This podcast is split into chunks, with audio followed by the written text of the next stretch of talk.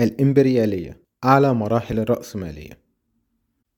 الإمبريالية ممكن تتعرف بمعناها الواسع على إنها استخدام القوة أو التهديد بيها علشان تقدر دولة قوية تفرض هيمنتها على الدول الأضعف أو بمعناها الضيق على إن هي السياسة اللي اتبعتها القوى العظمى في التلت الأخير من القرن التسعة عشر وقامت من خلالها بتقسيم العالم تحت حكمها. بس التعريف الماركسي للإمبريالية مختلف شوية. فهو أكتر خصوصية من معناها الواسع وبيشمل حاجات أكتر من التعريف الضيق بتاعها. فالإمبريالية مش بس طابع عام للمجتمع البشري والإمبريالية مش مجرد سياسة معينة إنما الإمبريالية هي أعلى مرحلة من مراحل نمو النظام الرأسمالي أو زي ما حددها عنوان كتاب لينين المشهور أعلى مراحل الرأسمالية.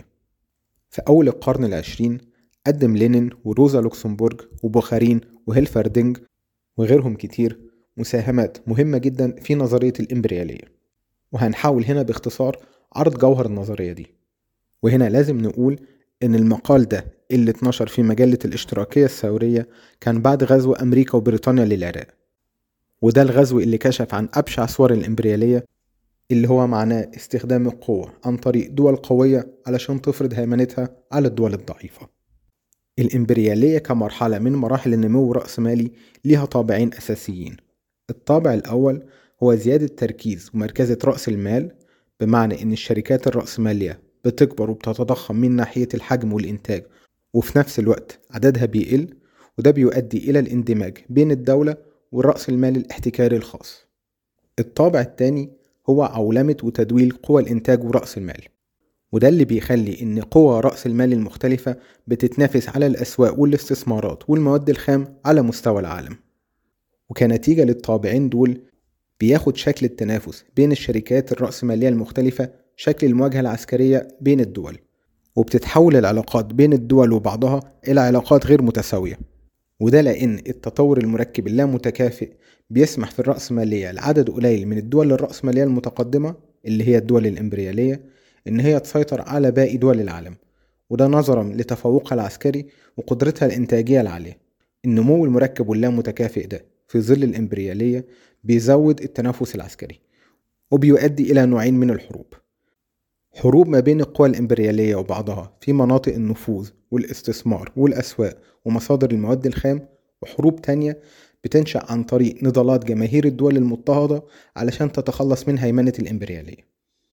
وفي المقال ده هنعرض ثلاث مراحل أساسية في التطور التاريخي للإمبريالية وهي الإمبريالية الكلاسيكية اللي كانت ما بين سنة 1875 و 1945 إمبريالية القوى العظمى بعد الحرب العالمية الثانية بمعنى أصح من 1945 لحد سقوط الاتحاد السوفيتي 1990 وأخيرا الإمبريالية بعد الحرب الباردة.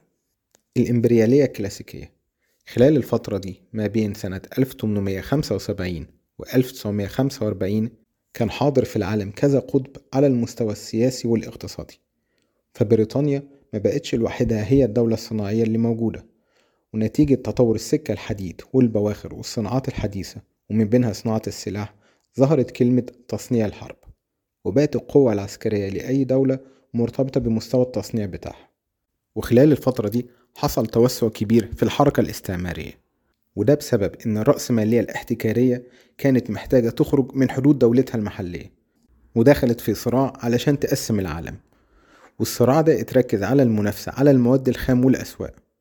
في الفترة دي حصل زيادة في المستعمرات الأوروبية من 2.7 مليون ميل مربع و148 مليون نسمة سنة 1860 إلى 29 مليون ميل مربع و568 مليون نسمة سنة 1914 والنزاع ده على تقسيم العالم وأسواقه ما كانش كمان خلص.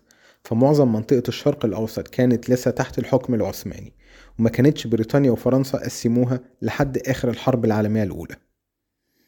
الاندماج بين الدولة ورأس المال أدى إلى اشتعال الحروب الإمبريالية وبقت النزاعات الاقتصادية بين الكتل الرأسمالية القوية ما بتتحلش إلا من خلال اختبار القوى العسكرية ما بينهم وتم تحويل كل الموارد للحرب وتحول الاقتصاد إلى تنظيم تابع لسيطرة الدولة. وخلال الفترة دي نهبت الرأسمالية المستعمرات بشكل منظم ولكنها في نفس الوقت دخلت النظام الرأسمالي في الإنتاج في المستعمرات دي. فبريطانيا على سبيل المثال سرقت معظم ثروات الهند لكنها في نفس الوقت دخلت السكة الحديد والطرق وبعض الصناعات علشان تخدم على مصالح بريطانيا. وده اللي خلى الهند تدخل في النظام الرأسمالي وخلق بدايات رأسمالية وطبع عملة هندية.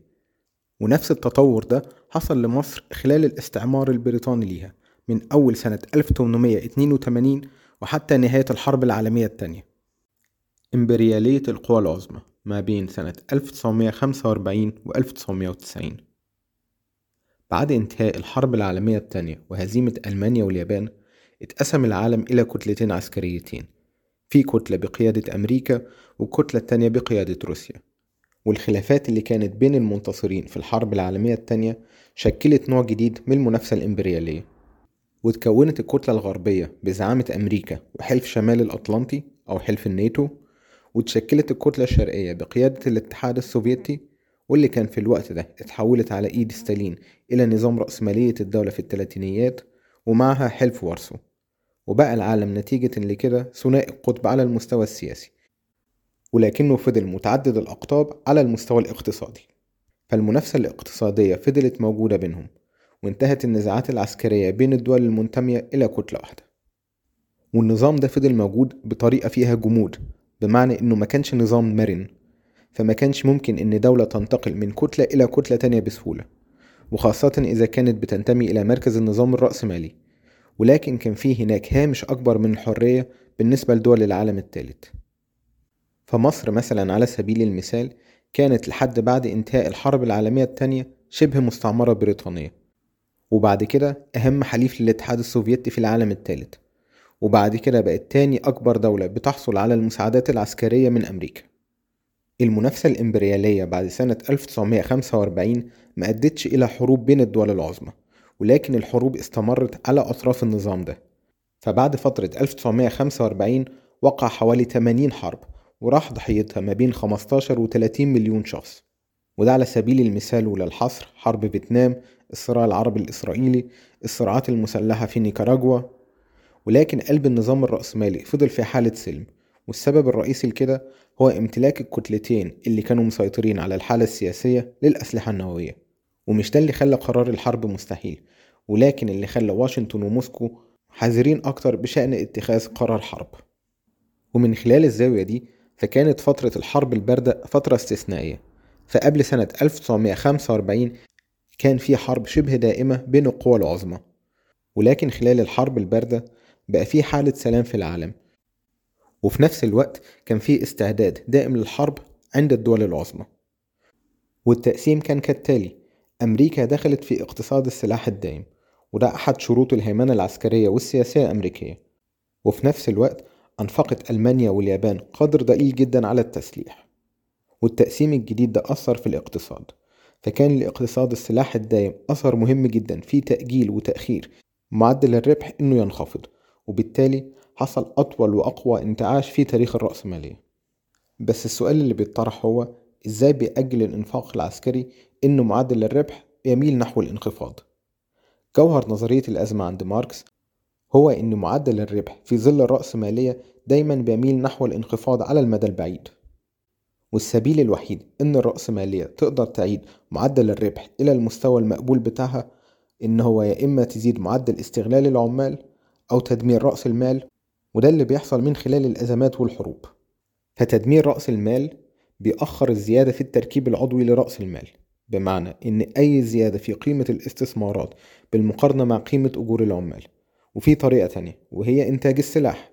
لأن بكده تتوجه كميات هائلة من رؤوس الأموال إلى إنتاج مواد ما بتدخلش مرة تانية في الإنتاج في صورة سلع استهلاكية للعمال. أو في صورة قوة إنتاج جديدة زي الآلات مثلا وإن جزء من رأس المال بيخرج من عملية الإنتاج وبالتالي بتنخفض نسبة قيمة العمل الميت اللي هو هنا الآلات والمصانع والمباني والأرض إلى قيمة العمل الحي اللي هو قوة عمل العمال وبالتالي بيتوقف ميل معدل الربح نحو الانخفاض. بس اقتصاد السلاح الدائم واللي تسبب في أطول انتعاش اقتصادي شافه النظام الرأسمالي في تاريخه هو نفسه اللي دخل النظام في أزمة جديدة. ففي نفس الوقت اللي كانت أمريكا وروسيا مركزين على الإنفاق العسكري قدرت الدول اللي اتحرمت من الإنفاق ده زي اليابان وألمانيا إن هي تحقق معدلات هايلة من التراكم الرأسمالي. وده اللي إداها قدرة تنافسية أعلى بكتير من الدول اللي ركزت على الإنفاق العسكري. واقتصاد السلاح ما بقاش قادر إن هو يوقف ميل معدل الربح نحو الانخفاض على المستوى العالمي.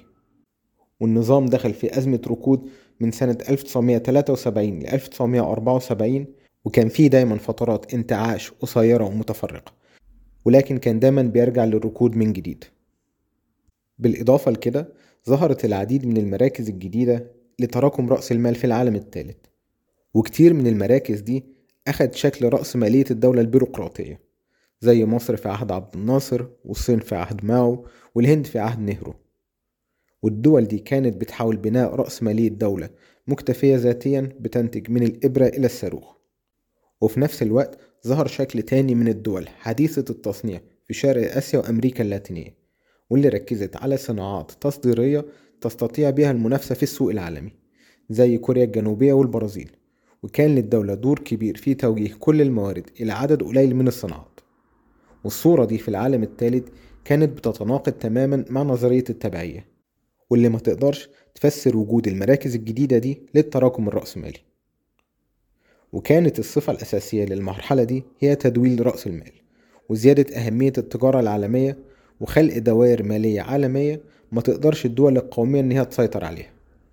وبكده ما بقتش الدول القومية قادرة إن هي تسيطر على حركة رأس المال وكانت أكتر الدول اللي اتأثرت سلبا من التطورات دي هي البلاد اللي كانت بتلعب فيها الدولة. دور كبير في عملية الإنتاج الرأسمالية زي الاتحاد السوفيتي وأوروبا الشرقية. الإمبريالية بعد الحرب الباردة. بعد انهيار الكتلة الشرقية رجع العالم تاني إن هو بقى متعدد الأقطاب سياسيا واقتصاديا مع درجة أقل من الاستقرار.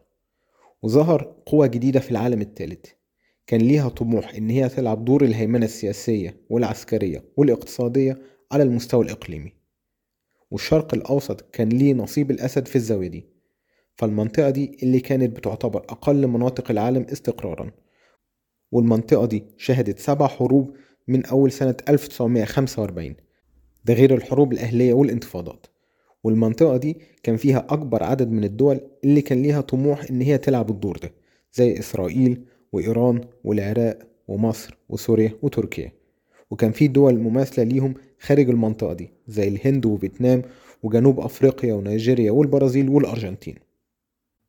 وهنا في رأيين غلط في تصنيف القوى دي. ففي رأي شايف إن الدول دي مجرد دول عميلة مباشرة للقوى الإمبريالية الكبيرة.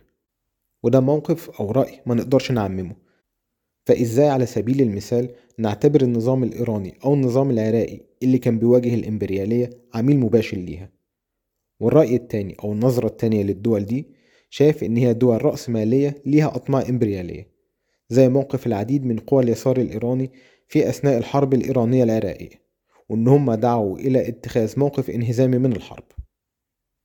ولكن إذا حاولنا إن إحنا ننظر في الحرب دي الحرب العراقية الإيرانية فلازم إن إحنا نرجع بالتاريخ لقبل الثورة الإيرانية في سنة 1978 فالثورة الإيرانية دمرت دولة الشاه وده كان أهم حلفاء أمريكا في منطقة الخليج. واللي كانت بتسيطر على 54% من مخزون البترول وده كانت المادة الخام الوحيدة اللي ما كانتش الدول الرأسمالية الكبيرة إنها تستطيع استبدالها. واتجهت أمريكا إلى النظام العراقي علشان تحمي مصالحها في المنطقة بديلا عن شاه إيران. وفضلت أمريكا عاملة نفسها محايدة في الحرب حتى أواخر سنة 1983 ودي الفترة اللي بدأت إيران تحقق انتصارات عسكرية على العراق. وهنا زودت واشنطن من مساعدتها العسكرية للنظام العراقي واتدخلت بأسطولها علشان تنهي الحرب بهزيمة إيران. ومعداش وقت كبير واجتاحت العراق الكويت وده علشان تحاول تخرج من أزمة بعد حرب استمرت لتمن سنين. وعلشان تفرض هيمنة أكبر في المنطقة باستيلائها على مصدر كبير للبترول. وبالطريقة دي اتحولت العراق فورا من حليف لأمريكا إلى عدو ليها. ومرة تانية أخدت معظم قوى اليسار مواقف متخبطة من النظام العراقي ساعتها.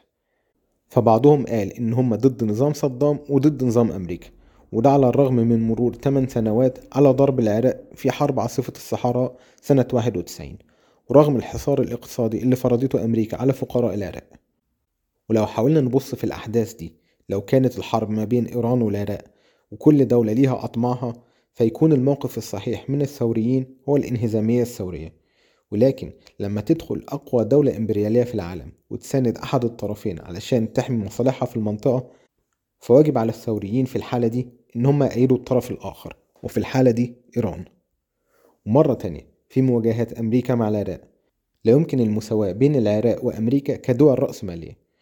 ولكن الواجب علينا إن إحنا نفضح أمريكا واللي بتتمسح بكلمات فارغة عن الشرعية الدولية والديمقراطية وكراهية الديكتاتور.